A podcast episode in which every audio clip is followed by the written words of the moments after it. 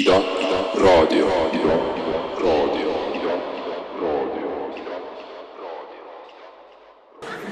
kunstisaalis, kunstisaalis, kuidas teil häbi ei ole, kuidas teil häbi ei ole? tere õhtust, kallid Vitamiin K saate kuulajad.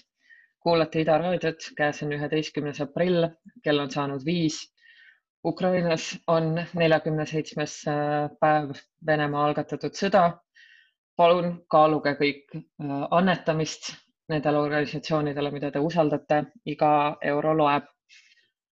täna oleme natukene äh, eskapistlikes äh, teemades ehk siis räägime kunstist mis muidugi ei ole ka ainult eskapis, eskapism, vaid adresseerib huvitavaid probleeme ja sotsiaalseid küsimusi, mis, mis väljal toimuvad.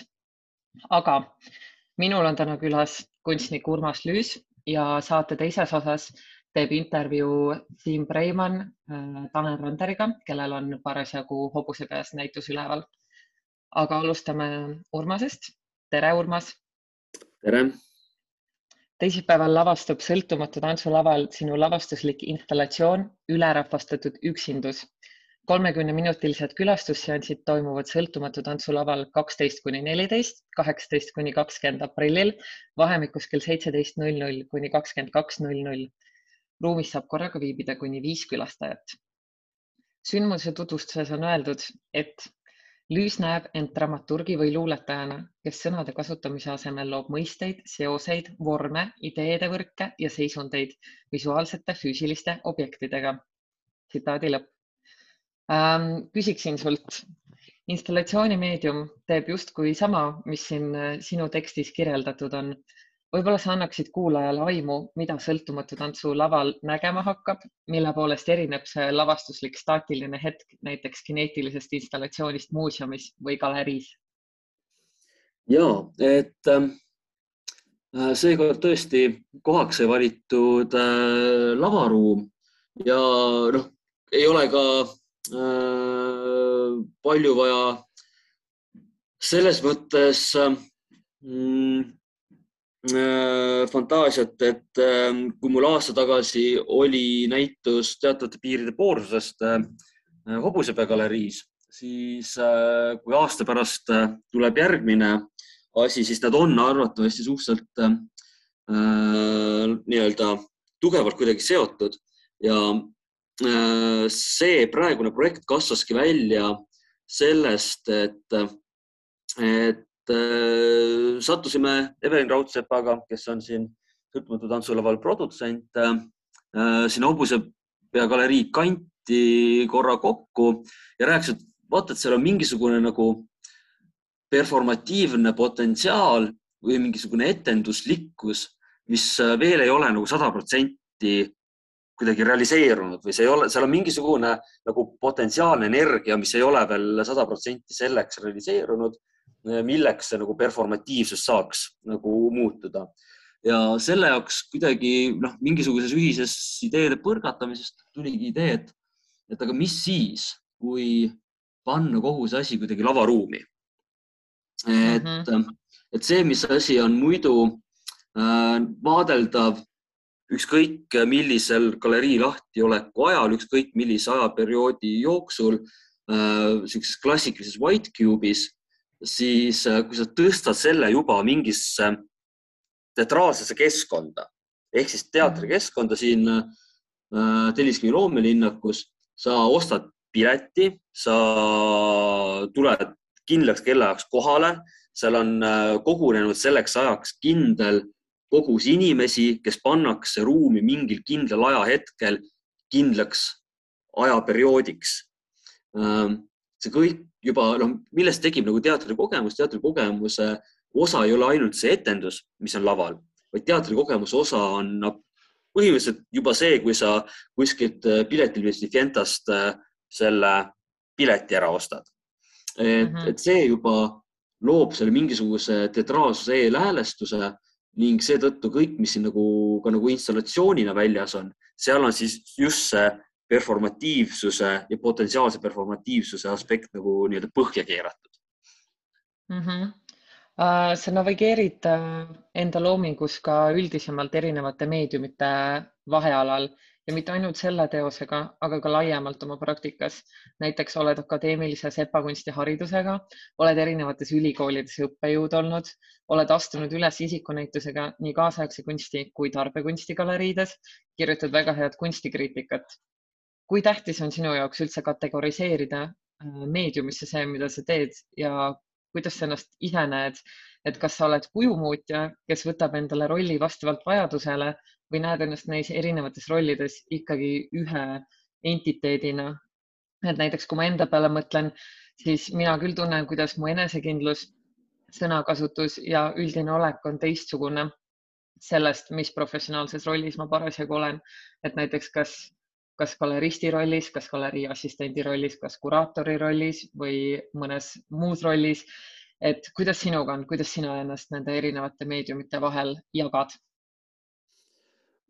Selle kohta äh, mul on huvitaval kombel on nagu mitu vestlust ka lähemate sõprade-kolleegidega, et siin ähm, äh, kuidagi me oleme jõudnud alati täpselt samasse, samade tõdemusteni et äh, Piret Hirv, kolleeg äh, Kunstiakadeemiast, et noh, tema ütles väga hästi, et kui see küsimus, millega sa tegeled, äh, on nagu õige sinu jaoks, siis see, mis meediumis asi realiseerub, võib-olla alati ei olegi kõige tähtsam, et kas see asi realiseerub sul skulptuuri valdkonnas, maali valdkonnas, ehtekunsti valdkonnas, tekstiilikunsti valdkonnas et kui sa tegeled selle noh, olulise asjaga, siis, äh, siis jah, ta alati realiseerub millekski nagu, nagu ootamatuks või põnevaks.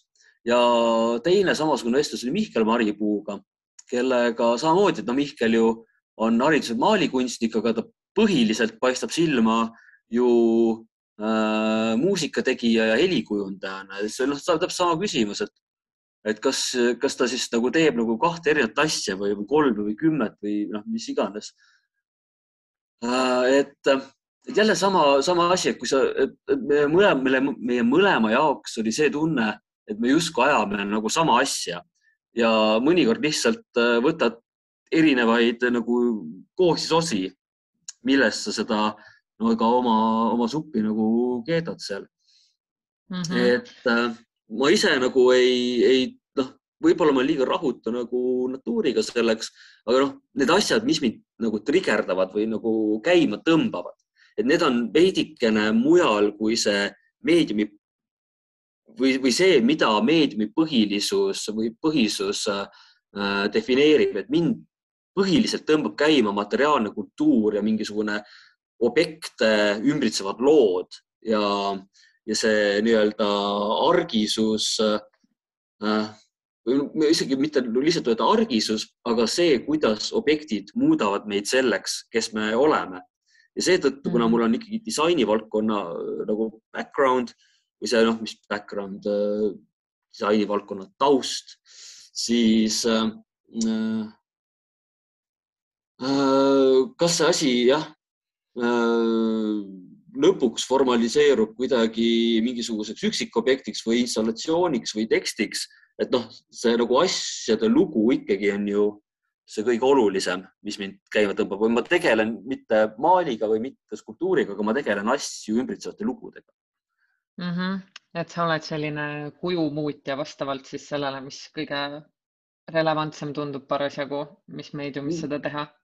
no oleneb, selles mõttes äh, võib-olla noh, väljaspoolt vaadates võib seda nimetada kujumuutiks, minu arust kogu aeg on täpselt äh, sama, sama kuju. aga noh, lihtsalt kuju muutmine klassikaliste noh, nii-öelda standardiseerunud meediumi nimetuste suhtes.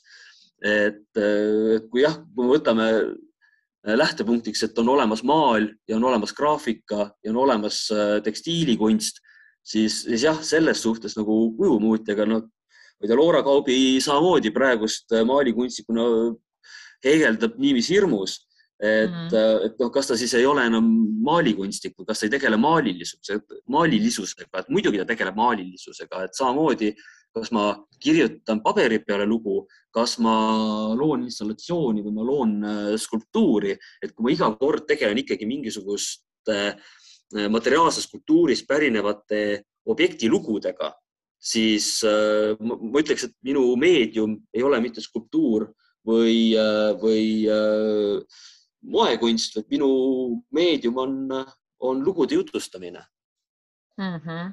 ja, ja samas tõesti kaasaegses kunstis võib-olla see ei ole enam nii suure küsimuse all, et kuidagi ei pea ennast niimoodi nende meediumitega otseselt äh, piirama. aga ma küsiks sult sellist asja, et kas teatrisaali on publikut lihtsam saada kui näitusesaali uh,? ma arvan, et erinevatesse ruumidesse sa saad erinevaid inimesi Mm -hmm. et, et nii äh, kuidagi imelik või meelevaldne, kui see ka ei ole, siis äh, see, kuidas sa oled saanud oma hariduse, jääb kuidagi sind kummitama noh, terveks eluks. et noh, ma olen seda nagu viimasel ajal kuidagi jube palju kuulnud, siin Krõõt Juurak rääkis sellest, et noh, kui sa oledki nagu hariduse saanud maalikunstnikuna, sa justkui jääd nagu maalikunstnikuks ka siis, kui sa oled teinud viimased kakskümmend aastat äh, lavastusi kuskil. et, äh, et sellest oma sepakunsti ja, ja disaini valdkonnas ma ei saa kuskil ja mul ei ole ka nagu vajadust sellest nagu kuskile eemalduda. aga paratamatult erinevates ruumides on harjunud käima erinevat sorti inimesed ja selleks, et see kuidagi ümber treenida, noh, sõbrad-tuttavad ikka tulevad, ükskõik kus sa teed, kas sa teed kirikus või pornomajas. aga noh, paraku need on erinevad, erinevad gängid, kes, kes tulevad isegi teatrisaali sees, et noh, see, kes käib äh, Draamateatris, ei tule sõltumatu tantsu lavale väga tihti.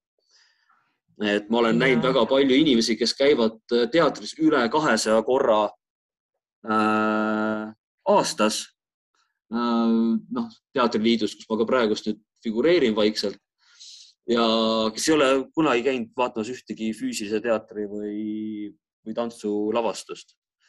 ja noh, nad võib-olla isegi ei tea, kus kohas asub sõltumatu tantsulava ja täpselt samamoodi ei tea mina, kust kohast, millisest õigest uksest seal äh, Vene teatris Dostojevskit vaatama saab, et, et noh, ma olen küll üritanud ennast treenida, aga, aga noh see killustumine on kuidagi ikkagi päris naljakas. on, tõsi. Äh, kas sa kuidagi töötad selle nimel, et inimesed, kes ei ole näiteks enne sõltumatu tantsulaval käinud, vaid rohkem traditsioonilist teatrit vaadanud, et nad jõuaks sinu etendust vaatama või on see pigem sinu jaoks selline orgaaniline protsess, et äh, need inimesed, keda huvitab, need inimesed jõuavad ja sa ei näe otseselt äh, vaeva sellega, et mingit äh, teistsugust diskursust kaasata? no missiooni mul selles mõttes ei ole, et ma nüüd üritaks kuidagi inimeste silmapiiri avardada, sest ma ei ole ka veel mingi eriline nimi kunstimaailmas, kes äh, suudaks äh, mõju avaldada sadadele, sadadele, sadadele inimestele, murdmaks nende tarbimisharjumusi, noh, et, et võib-olla ainuke, mis ma nagu suudan muuta praegust sellega või noh, mis nagu muutub paratamatult, et need, kes on nagu püsivamalt jälginud minu tegemisi Valges galeriisaalis, et need lihtsalt paratamatult vaatavad, näe, kurat, Urmas teeb midagi teatris, läheme vaatame, mis ta seal teatris teeb. Ja no sellega ma ei ole nõus, et sa inimesi ei mõjuta, minu meelest sa oled väga tugevalt pildil olnud viimaste aastate jooksul ja samuti äh, Äh, kirjutanud väga head kunstikriitikat lisaks äh, kunsti loomisele, nii et äh, ma arvan, et sinus on jõudu küll inimeste harjumusi muuta mõõdukas alaväärsuskomplekt, ma arvan, mõõdukas alaväärsuskompleks, ma usun, on kuidagi egole tervislik või noh. ja, või selline kriitikameel, seda ja. kindlasti, seda kindlasti. aga räägime etenduse sisust lavastusinstallatsioon põhineb intervjuudel eakate inimestega. keskmes on nende tajuilm läbi asjade, mida nad omavad. kuidas sa selle teemani jõudsid? Äh, teemani ma jõudsin ju kahte pidi, et üks oli see, et noh, ma tahtsin midagi äh, lavaruumis teha ja teine oli see, et äh, kui sa tahad midagi lavaruumis teha, siis sa pead sinna lavaruumi midagi panema. et äh, et ühelt poolt jah, see, kus see nagu algas või, või kust äh, just selline nagu installatiivne äh, koguma asju teatriruumi äh, nagu lähtepunkti sai, oli see, et minu jaoks teatris üks niisuguseid inspireerivaid hetki alati on see, kui, kui ma lähen teatrisse, eesriie läheb äh, eest ära ja ma näen seda lavakujundust, aga etendus ei ole veel pihta hakanud, võib-olla mingi kolme sekundi pärast keegi siseneb sinna lavale, hakkab seal äh, intensiivselt rääkima.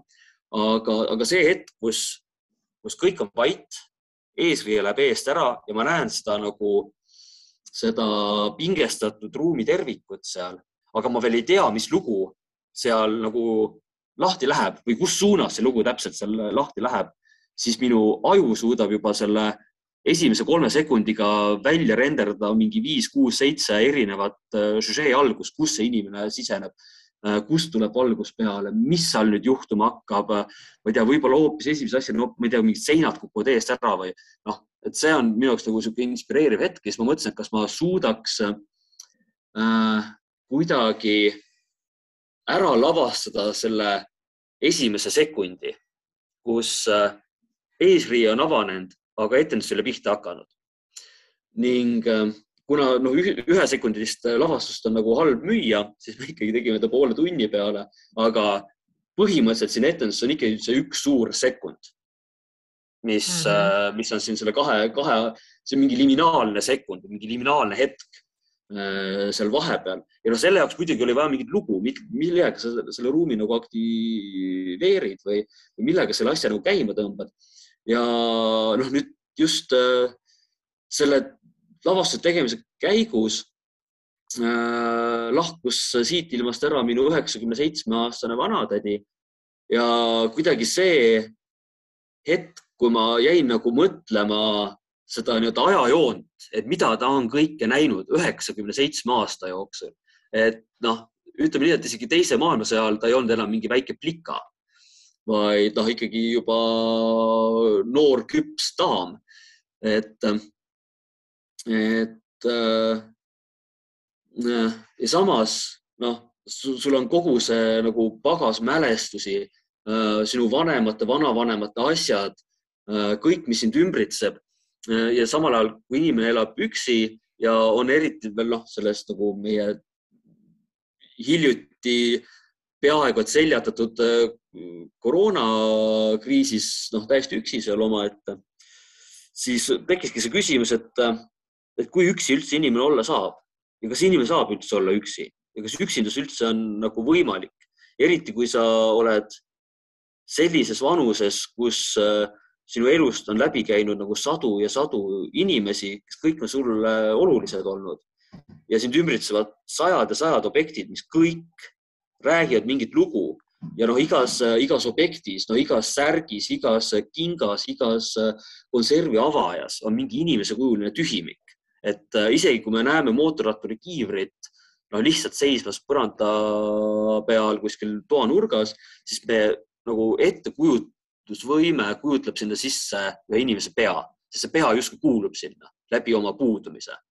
ja mul tekkiski mõte, et kui ma nüüd siit lavaruumist võtan selle inimese ära ja jätan ainult asjad alles.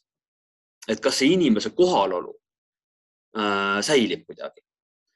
et äh,, et jah, et minu see põhiline küsimus oligi üksinduse juures, et kas üksindus on üldse võimalik?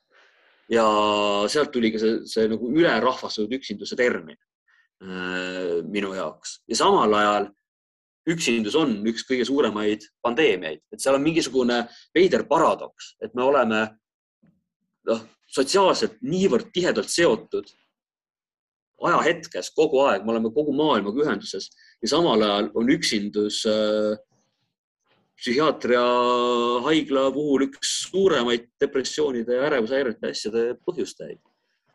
ja absoluutselt ja üksindus on, on väga tõsine teema ja see on väga huvitav, et see on generatsioonide ülene teema ka, et, et kui vanainimesed on üksinda nii-öelda sellepärast, et neil on kõik sõbrad ja lähedased võib-olla juba ilmast lahkunud, siis noored on üksinda millegi muu tõttu, näiteks ärevuse tõttu või, või mingi sotsiaalse, sotsiaalse hirmu tõttu, et, et huvitav jah, kuidas nagu seda üksindust nii-öelda varjab noorematel inimestel sotsiaalmeedia kasutus, aga vanematel inimestel üldiselt ei ole seda sotsiaalmeedia harjumust, et siis need äh, üksindused on asendatud reaalselt päris asjadega, mis neile justkui meenutavad mingisuguseid suhtluseid. aga. see on nagu ka põnev sealjuures lihtsalt, et et ma noh, kui mu vanatädi elas, siis ikka noh, satud nagu paar korda aastas nagu külla ja satud nagu rääkima, aga sa nagu enda nagu peas oled kuidagi märksa rohkem selle inimesega kohal. et sa küll nagu suhtled aktiivselt mingid hetked, aga, aga enda nagu kuidagi peas see inimene on nagu kohal ja siis, kas see inimene on füüsiliselt äh, siin maailmas enam alles justkui nagu ei määragi, et noh, okei okay,, sa ei saa nagu aeg-ajalt kokku saada, aga see inimene on ikkagi sinus kuidagi nagu alles või noh, kõik inimesed, kes, kes enam nagu aktiivset rolli sinu elus ei mängi, siis ikkagi on nagu kohal. Et ükskõik, mis generatsioonist sa, generatsioonist sa oled, lihtsalt äh, üheksakümne seitsme aastaselt oled sa kõige nagu tihedamalt läbi imbunud sellest kõigest, mis sinu elust läbi on käinud aga kas see kohalolu ikkagi, isegi kui see inimene ise on lahkunud, kas see kohalolu ikkagi toimub läbi asjade? sest et minu jaoks, ma arvan, toimub see pigem läbi mälestuste. näiteks mul ei ole enda kadunud vanaisast ühtegi asja konkreetset, mis, mis mulle teda meenutaks, aga ma mõtlen talle peaaegu iga päev, olenemata sellest. et ma mõtlengi, et need asjad, mis inimesest alles jäävad pärast seda, kui inimest enam ei ole kas nad kaotavad enda mõtte ja väärtuse või mida, sest et tihtipeale neid asju on ikkagi väga suur hulk, mis vanast inimesest maha jääb, siis mida nende asjadega teha, kõik ju, kõike ju ei saa mälestuseks alles jätta. Ei no ei peagi jätma mälestuseks alles, aga noh, vana kummutit ikka ei ole mõtet ära visata, kui see on äge vana kummut ja mul on siiamaani kogu äh, Haapsalu kodumööbel vana-vanaisa tehtud. Et noh, ja on jube hea mööbel, et selles mõttes noh, kas ta nüüd otse mälestusese ei ole mälestusese, et, äh, et ta on äh, paratamatult äh, üks väga hea asi, mis seostub alati sellega, et näe, kurat, oli üks tüüp, kes oskas jube hästi disleri tööd teha köögilaua peal mm. -hmm. et, et siin selle nagu lavastusliku installatsiooni juures ma olengi nagu mõelnud äh, hästi palju just äh, sõnast kuhjatus, et see mälestus ei, ei ole ainult äh, mingis ühes kindlas asjas, umbes nagu ma ei tea, mingi talismann. et, ähm, et see noh, on,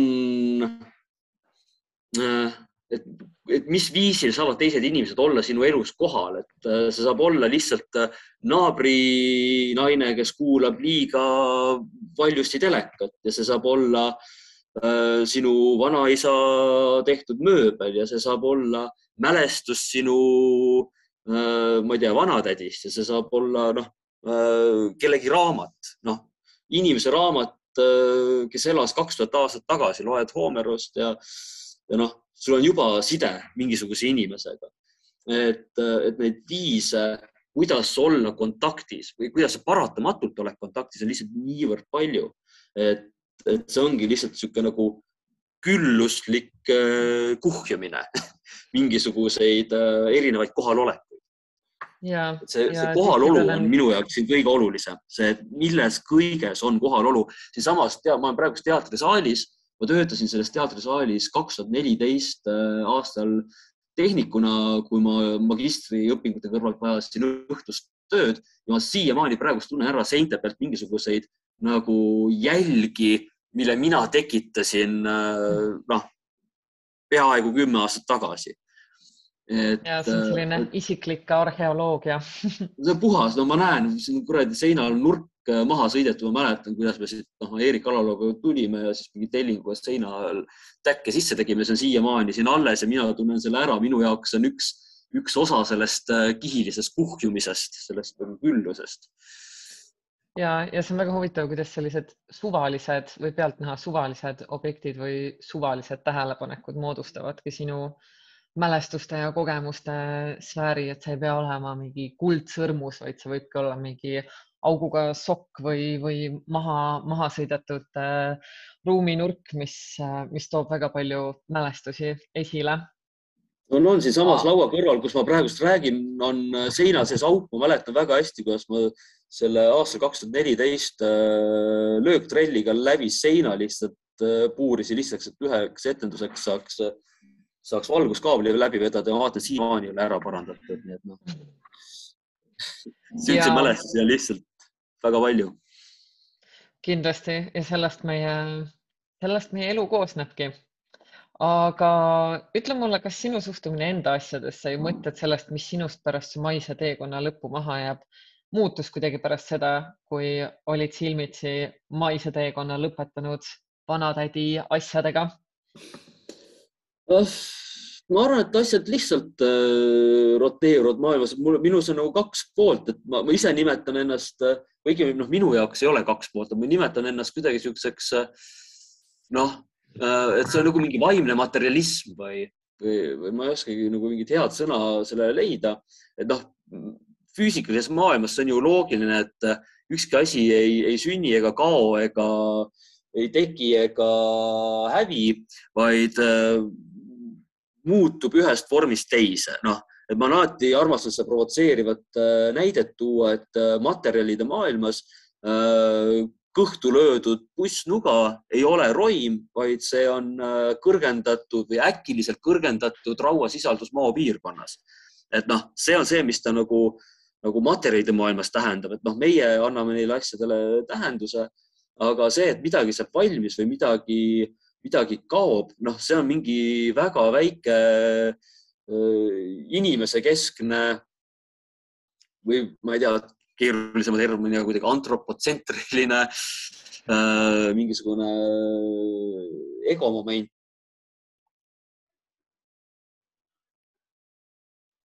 et saa valmis, et kas ta sel hetkel saab valmis, kui skulptor selle on äh, enda käest ära andnud, installeerijad on üles pannud ja linnapea on punase lindi läbi lõiganud ja nüüd on see valmis.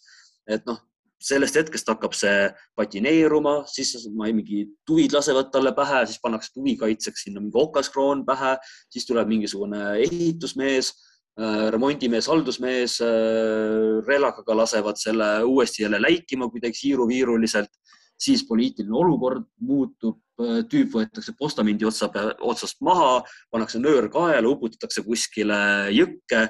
et noh, see pidevalt muutub ühest vormist teise ja kõigi asjadega on täpselt samamoodi, mingid asjad lähevad prügimäele, mingid asjad äh, lähevad kasvõi komposti, kuhu iganes, et inimene samamoodi on lihtsalt komposteerub, muutub mullaks. That's it, et äh, jah, materjalide maailmas äh, ei ole niivõrd äh, egotsentrilisi asju üldse olemas ja mulle nagu meeldib sedasi ka nagu mõelda, et, et äh, siiamaani maailmas on Jeesus Kristus või Adolf Hitler, nad on nagu olemas, et, et noh, mateeriat ei teki ega kao, mateeria muutub ühest vormist teise ja need molekulid, millest nende keharakud kunagi moodustasid, need on siiamaani maailmas olemas ja noh, minus on ka tükike nii Jeesus Kristus kui Adolf Hitlerit selle, selle. no loodame, et viimane on muteerunud millekski helgemaks ja paremaks. no me ikka üritame jah, ikkagi parimat äh, võtta sellest halvimast, mis meile antakse. kuigi tundub, et tema kehastus on meie idabloki naabri näol saanud uuesti, uuesti ellu ärgata paraku. vot see on juba sinu see mentaalne pool, äh, millest sa rääkisid, see, et see ei sure mitte kunagi, jah. kahjuks. loll, lollid mõtted ei, ei sure mitte kunagi, need ei teki ega kao, need püsivad, aga õnneks füüsilised, füüsiline mateeria ikka, ikka muundub ka aeg-ajalt jah, võib loota, et see ida, ida pool olev füüsiline mateeria ka mingil hetkel kõngeb kompostiks kunagi aga..., kui ma tegin punkbändi, siis ma, esimene lugu, mis ma selle punkbändile kirjutasin, oli, et äh, lootus sureb viimasena, mina suren enne. nii et vaatame, kuidas läheb. vaatame, kuidas läheb, aga meil on äh, pool tundi intervjuud räägitud, nii et äh, ma lõpetaksin küsimusega. palun anna enda etenduskülastajale kaasa üks hea viide või soovitus, mis võiks soosida lavastuse kogemist? olge aktiivsed ja sekkuge, sekkuge ruumi, liikuge ruumis, sest ma olengi üritanud lavastada seda ruumis edasi, et mingite asjade jaoks sa pead ronima kappi, sest sa seal kapis sa näed midagi. teinekord sa pead ronima laua alla, siis sa pead pugema seina sisse. et, et aktiivsalus on see, mis lavastuskogemuse aktiviseerib. nii et jah, tasub olla aktiivne, kõike võib katsuda, kõike võib käppida, kõike võib uurida ja see noh, otsimine on, on asja osa. see on väga hea soovitus äh,. aitäh sulle, Urmas Lüüs, saatesse tulemast äh,. kuulajad, minge kõik äh, vaatama Urmas Lüüsi lavastust Ülerahvastatud üksindus, mis äh, etendub kaksteist kuni neliteist aprill ja kaheksateist kuni kakskümmend aprill vahemikus kell viis kuni kakskümmend kaks null null. Äh, sõltumatu tantsulaval, ostke piletid ette ära, sest et saab korraga ruumis viibida kuni viis inimest. Äh, kahjuks ma ise ei saa seda vaatama minna. Äh, tervitused Soome põlismetsade vahelt, kuhu ma jään kuni aprilli lõpuni, aga saatekuulajad, palun minge kõik vaatama ja jõudu sulle, Urmas aitäh sulle, head metsa. aitäh. head aega. nägemist.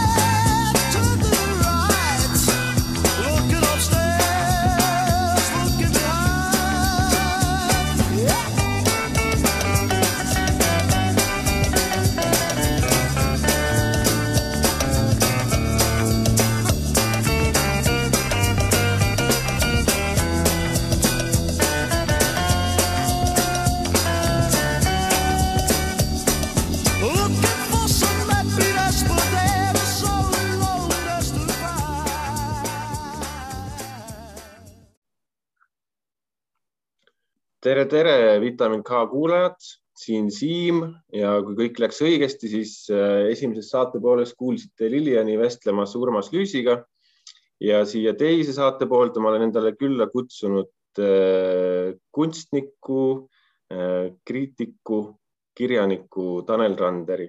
tere, Tanel. tere, Siim. see on mm, see mõte sulle helistada on tegelikult juba tükk aega mul peas olnud, ma arvan, et see idaneski siis, kui ma sulle viimane kord helistasin, sest et sellest äh, mingist kiirest äh, juhuslikust kõnest äh, hakkasid hargnema mingid väga huvitavad mõtted. ja tegelikult see ei olnud üldse niimoodi, kui nüüd kui nüüd äh, mina ei olnud isegi vist aru saanud, et sul juhuslikult ka näitus samal ajal on avanemas, nii et see, see on lihtsalt selline igatpidi nagu õnnelik äh, juhus, et see minu huvi sinuga vestelda siin saate formaadis tegelikult joondub ka nagu võimalusega inimestel, kes näiteks praegu meid kuulavad, siis äh, võtta jalad kõhu alt välja ja minna siis ka vaatama sinu loomingut äh, vanalinnas Hobusepea galeriis aga ma tahaksingi siis kõigepealt küsida sult äh, nii-öelda sissejuhatavalt, et äh, kus sa praegu oled või ähm, kui me viimati rääkisime, siis sa rääkisid mulle, et sa elad ja töötad Hiiumaal äh, viimasel ajal. et räägi mulle, millega sa oma päevi täidad mm.? ma olen nüüd uuesti Hiiumaal, ma vahepeal olin natuke aega Sloveenias residentuuris.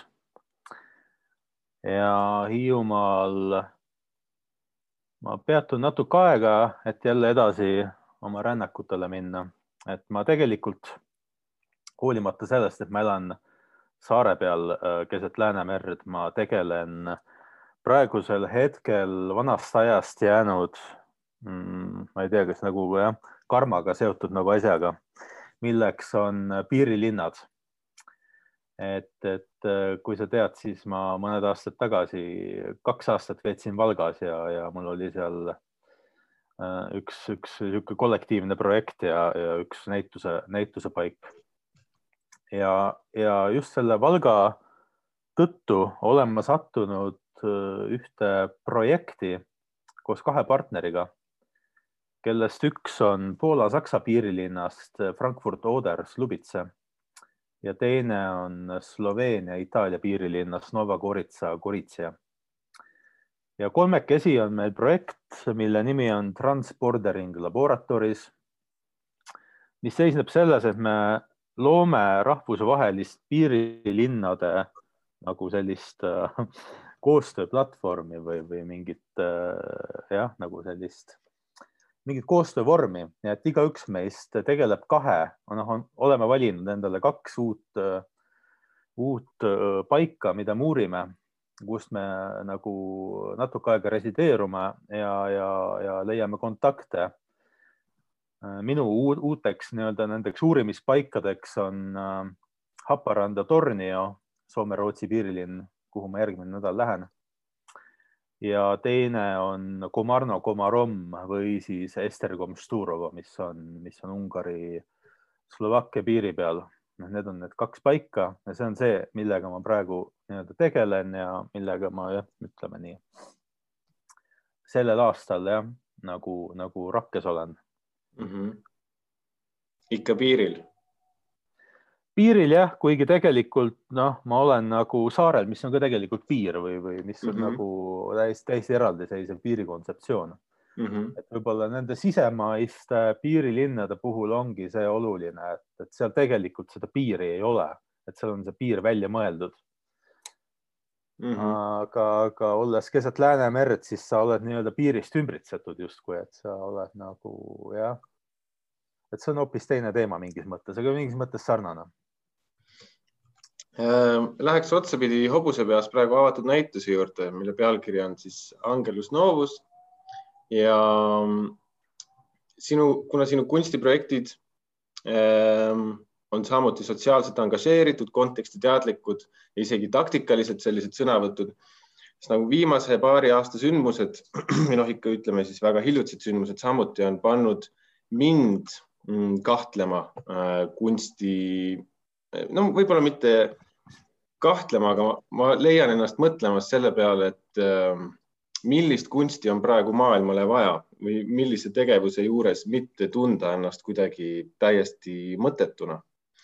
ja ma arvan, et äh, ka sinu äh, looming tantsib äh, täpselt seal nii-öelda abstraktsuse ja kasulikkuse vahepeal, et kuidas sina seda, kuidas sina selle tasakaalu peale mõtleksid kunsti abstraktsus versus kasulikkus mm. -hmm ma viimasel ajal nüüd olengi hakanud mõtlema, et kunsti kasulikkus seisnebki abstraktsuses.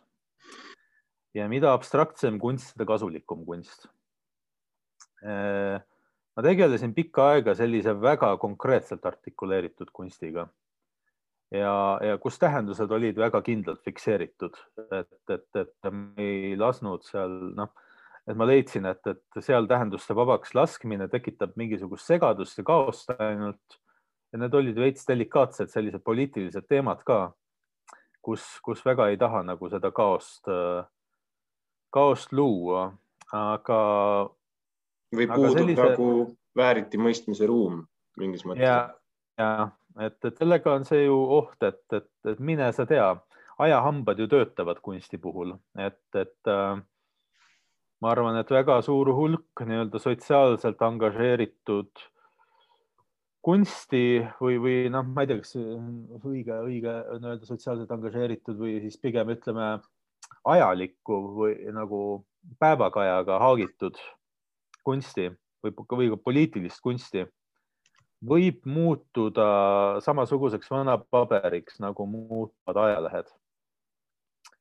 Et seal loomulikult see kõneleb mingisugusest ajahetkest, sellest, mis nagu õhus oli. aga, aga iseenda jaoks kuidagi see muutub selliseks, noh, mingiks materjaliks, mille, mida sa võib-olla hoiaksid kuskil, kus sa vana paberit hoiad ja siis sellise kunsti puhul on minu meelest kõige väärtuslikumad elemendid just need abstraktsed elemendid, need sellised idiosünkraatilised, sinule ainuomased elemendid, mis sa oled sinna sisse pannud. et, et ma praegu vaatan, et kõik sellised ideo, idiosünkraatilised asjad, mis ma nagu mingisuguste suht poliitiliste teemade sisse panin, need on praegusel ajal minu jaoks nagu tohutult väärtuslikud samal ajal kui kogu see muu asi võib aja jooksul nagu meeletu tähendusliku pöörde võtta ja muutuda. Nii et ma arvan, et abstraktsioon on nagu, nagu hästi vajalik asi, see on miski, mida keegi ei saa sult ära võtta. Mhm. vähemalt ma loodan seda, vähemalt mhm. tundub nii hetkel. mul tahaks küsida sinu äh, kuidas öelda siis sinu kunsti tegemise suhete kohta, et sa oled ise kriitiliselt äh, kirjutanud Ehm, sellisest tsemendikoti kujundist, sellest, kuidas äh, on kunstnikud, kes sa, siis mm, samamoodi ülejäänud maailmaga liigutavad neid tsemendikotte ühest teise, vormivad äh, materjali. ja teistpidi mul tuleb pähe mõte, äh, kui ma mõtlen sinu tööde peale, mis ähm, võib-olla kaaperdavad kujundeid, isegi korporatiivseid kujundeid, nihestavad neid ja nüüd siis sellel näitusel äh, äh, ma jäingi mõtlema selle peale, et kust need materjalid pärit on ja samuti on sul seal, eks ju, eksponeeritud nii-öelda koostööd või kaastööd siis äh, koos äh, Sirliga, ma saan aru, kellega sa oled joonistanud koos. Ja see on hoopis nagu, ma ei teagi, kas see on kaaperdamine või kas, kas sa said luba küsida selle jaoks, et neid sinna kasutada, et võib-olla nagu natukene rääkida siis nendest jah, suhetest, mis on selle ähm, kunstiloome taga sinu jaoks? Mhm. no viimase näituse puhul on tegemist ikkagi sedalaadi kunstiga, mida ma olen iseenda tarbeks teinud. et need on olnud minu nii-öelda loomingulised allikad või ressursid, et, et, et ma olen, need on sündinud lihtsalt mingisugusest äh, sähvatusest või elurõõmust või, või noh, need on nagu siuksed olulised, minu jaoks olulised asjad, aga juba pikka aega, need on nagu osad tööd on seal hästi vanad. ja, ja loomulikult äh, praegusel ajal, kui sa teed niisugust näitust nagu äh, Vene saatkonna ees, just praegusel ajal, siis see ei jää nagu puutumata nagu sellest, sellest äh, tormituulest, mis nagu praegu väljas puhub. et Äh, et noh, selle näituse keskne kujund on üks selline abstraktne, abstraktne asi, mis mul seina peal oli üle, üle kümne aasta. ja, ja selle kõrval oli üks väike foto. Äh, üks väike, väike ära pleekinud foto, kust oli võimatu tuvastada, kes seal peal on ja nii edasi. mul kogu aeg sisetunne ütles, kes seal peal võib olla ja miks mul see foto on miks ma selle oma suguvõsa nii-öelda pärandi seast leidsin, selle foto. ja nüüd, kui ma hakkasin äh, siis seda tööd nii-öelda suurendama, ehk siis noh, mul on see üks pilt seina peal ja siis on selle pildi nii-öelda suurendatud vorm. siis ma jah, ma sain teada, et seal foto peal on tegelikult minu vana-vanaisa noorena Russalka kuju juures et see on selline nagu isiklik lugu, aga selle näituse puhul see isiklik lugu ei ole oluline, ma ei ole nagu seda avalikuks teinud. et selle näituse puhul loeb ainult vorm, noh, selle, selle nii-öelda ingli kuju vorm, sümbol. ja siis see sümbol asetatuna tänasesse päeva,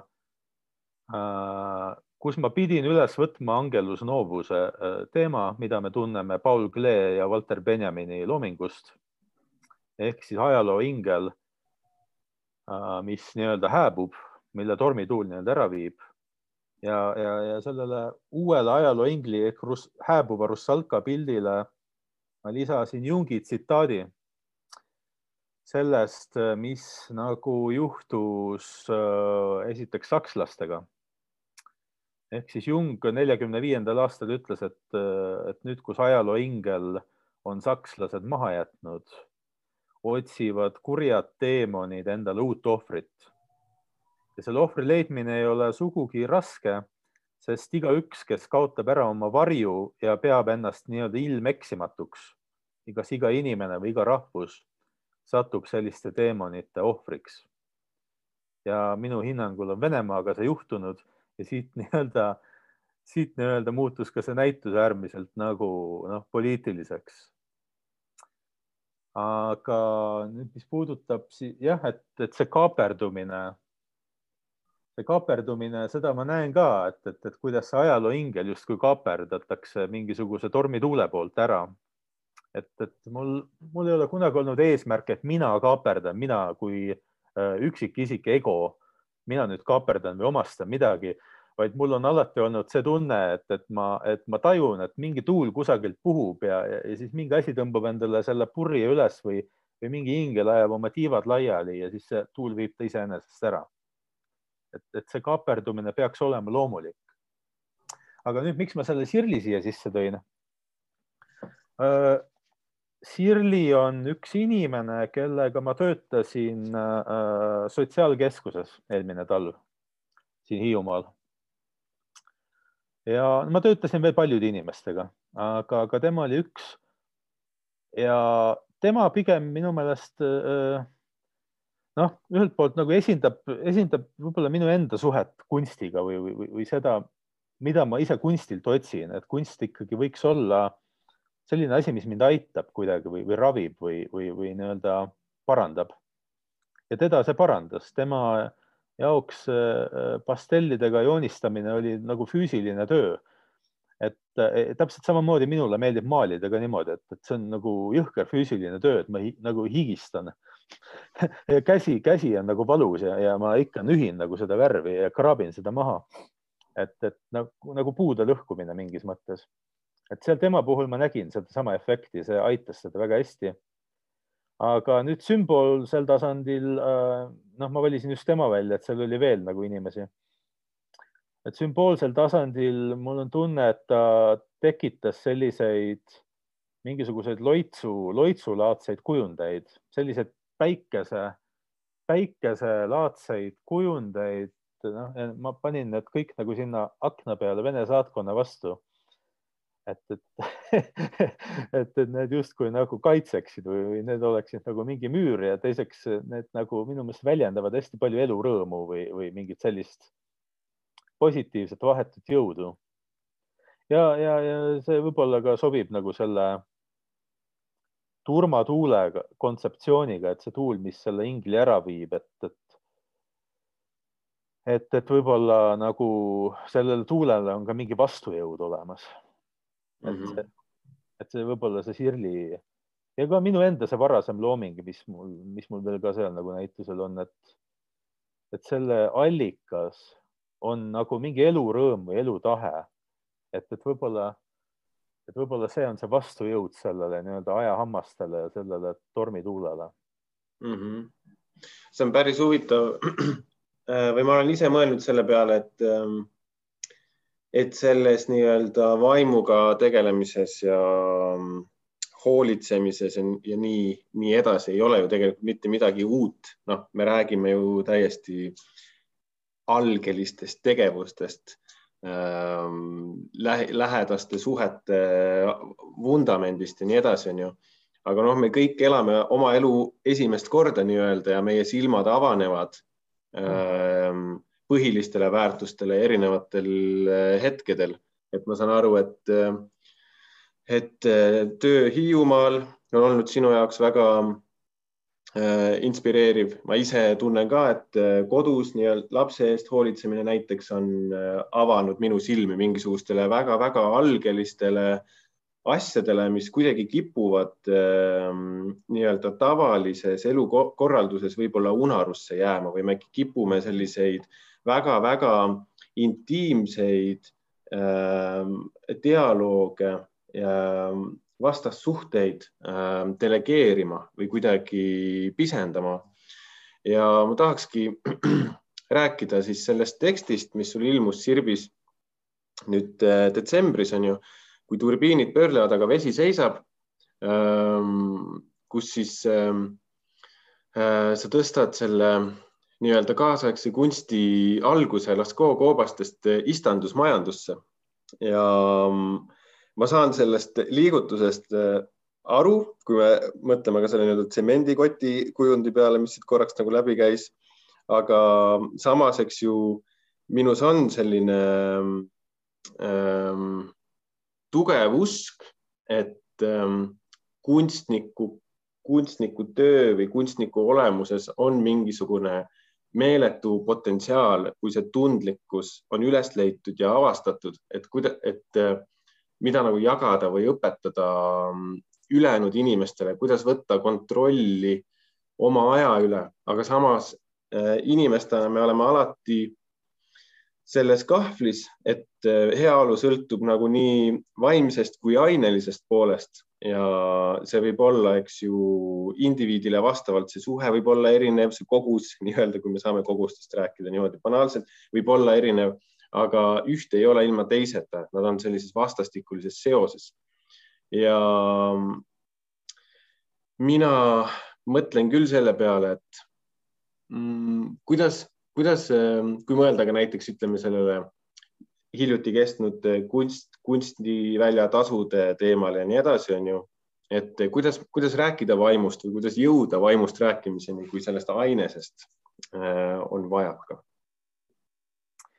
ma arvan, et vaimust ei ole võimalik nagu spetsiaalselt rääkida, sest kui, kui sa sellest räägid, siis sa juba muudad selle mingisuguseks väliseks objektiks või no okei okay,, see mingisugune insight või reflekteerimine loomulikult on vajalik. Aga, aga kui me ükskõik kuidas või, või millest me nagu räägime, see juba on vaim, mis kõneleb. ja, ja, ja ma arvan, et see, millised me vahetult nagu oleme, see nagu räägib sellest, milline see meie, meie, meie vaim nagu on. et mm, -hmm. et, et noh, me võime ju luua mingisuguse idealiseeritud pildi, milline kunst peaks olema. Aga selle pildi loomiseks me oletame, et me nagu teeme meeletult stressirikast tööd või me võitleme, tülitseme omavahel, närime üksteisel kõrid läbi. Ja, ja, ja siis tuleb perfektne näitus sõprusest, armastusest, vaimust nii-öelda. aga ma olen seda niivõrd palju näinud kaasaegse kunstimaailmas, et et see näituse tegemine tihtipeale või noh, et see esiteks, et see maailm on üldse näituse keskne, see on juba vale minu meelest. Et ta on produktsiooni või, või mingi sellise noh, sündmuse või, või nagu objekti keskne. ja see protsess, mis selle objektini viib, on teinekord hullult stressi tekitav, inimesed lähevad omavahel tülli nagu meeletult manipuleerivad üksteisega. noh, noh, mingeid uskumatuid asju toimub aga siis näituse saalis on lõpuks kõik üleval ja kõik naeratavad ja kõik on perfektne. keegi nagu ei tea, mis, kuidas seda asja tehti, kõik näevad ainult seda, mis on näituse saalis. Aga see, mis seal nii-öelda köögipoolel toimus, see on lihtsalt see köögipool, et selle, nagu sa rääkisid, et me väga paljud asjad delegeerime ära või lükkame kuhugi endast eemale, vot täpselt samamoodi. me selle inimliku külje kipume ära lükkama, oh, et see on lihtsalt see nagu vahendlik, vahendlik osa, et seal me võime üksteist nagu tappa mida iganes, eks ole, teha, et peaasi, et meil see kuradi näitus nagu hea välja näeb, vot, vot see on väga vale, et, et see peaks muutuma. ja noh, eks ta, eks ta on erinev, eks igasuguseid inimesi on olemas ja tehakse iga, igat moodi asju, aga, aga ma arvan, et see võrdlus või noh, et, et miks, miks kaasaegne kunst saab alguse pigem istandusmajandusest. noh, see ongi see idee, et, et see kaasaegne kunst on hilismodernsuse nagu nähtus et ta on hilismodernne nähtus, ta on tugevalt seotud selle kaasaegse ühiskonna nii-öelda noh, selle jäämäe tipuga. Et, et, et või noh, et see kunst üritab ennast ju kuhugi avangardi nagu panna, kusjuures avangard on ammu juba minu meelest midagi muud, aga, aga noh, kunst siiski püüab kuidagi mingit sammu pidada mingite ühiskondlike arengutega ja siis ta teeb kõik need, kõik need asjad kaasa, mida kogu ühiskond teeb. ma, ma ise tunnen, et äh, ma olen sinuga nõus ähm, selles mõttes, et äh, et äh, see, kuidas sa ütlesid, et, et vaimu ei saa nagu sõnastada, sa saad reflekteerida, aga noh, et siis sa juba oled sellest vaimust väljaspool. ma olen sellega nõus, aga teistpidi mul on tunne, et see reflektsioon on kuidagi hästi vajalik või oluline.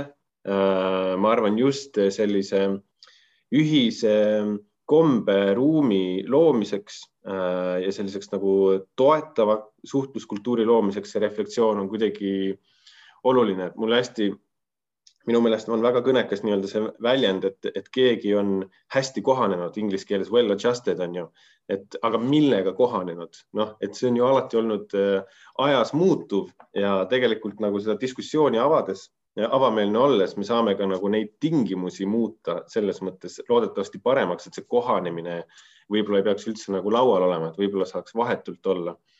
et kuidas sul, kas sa oled tundnud seda ähm, tabulisust, et, äh, et sellise nagu pehmete väärtuste kuidagi nagu lauale toomine, et see, kuidas näiteks oli selle teksti tagasiside, mis sa detsembris Sirbis avaldasid, et kas ähm,, kas see oli tavaline tagasiside ähm,?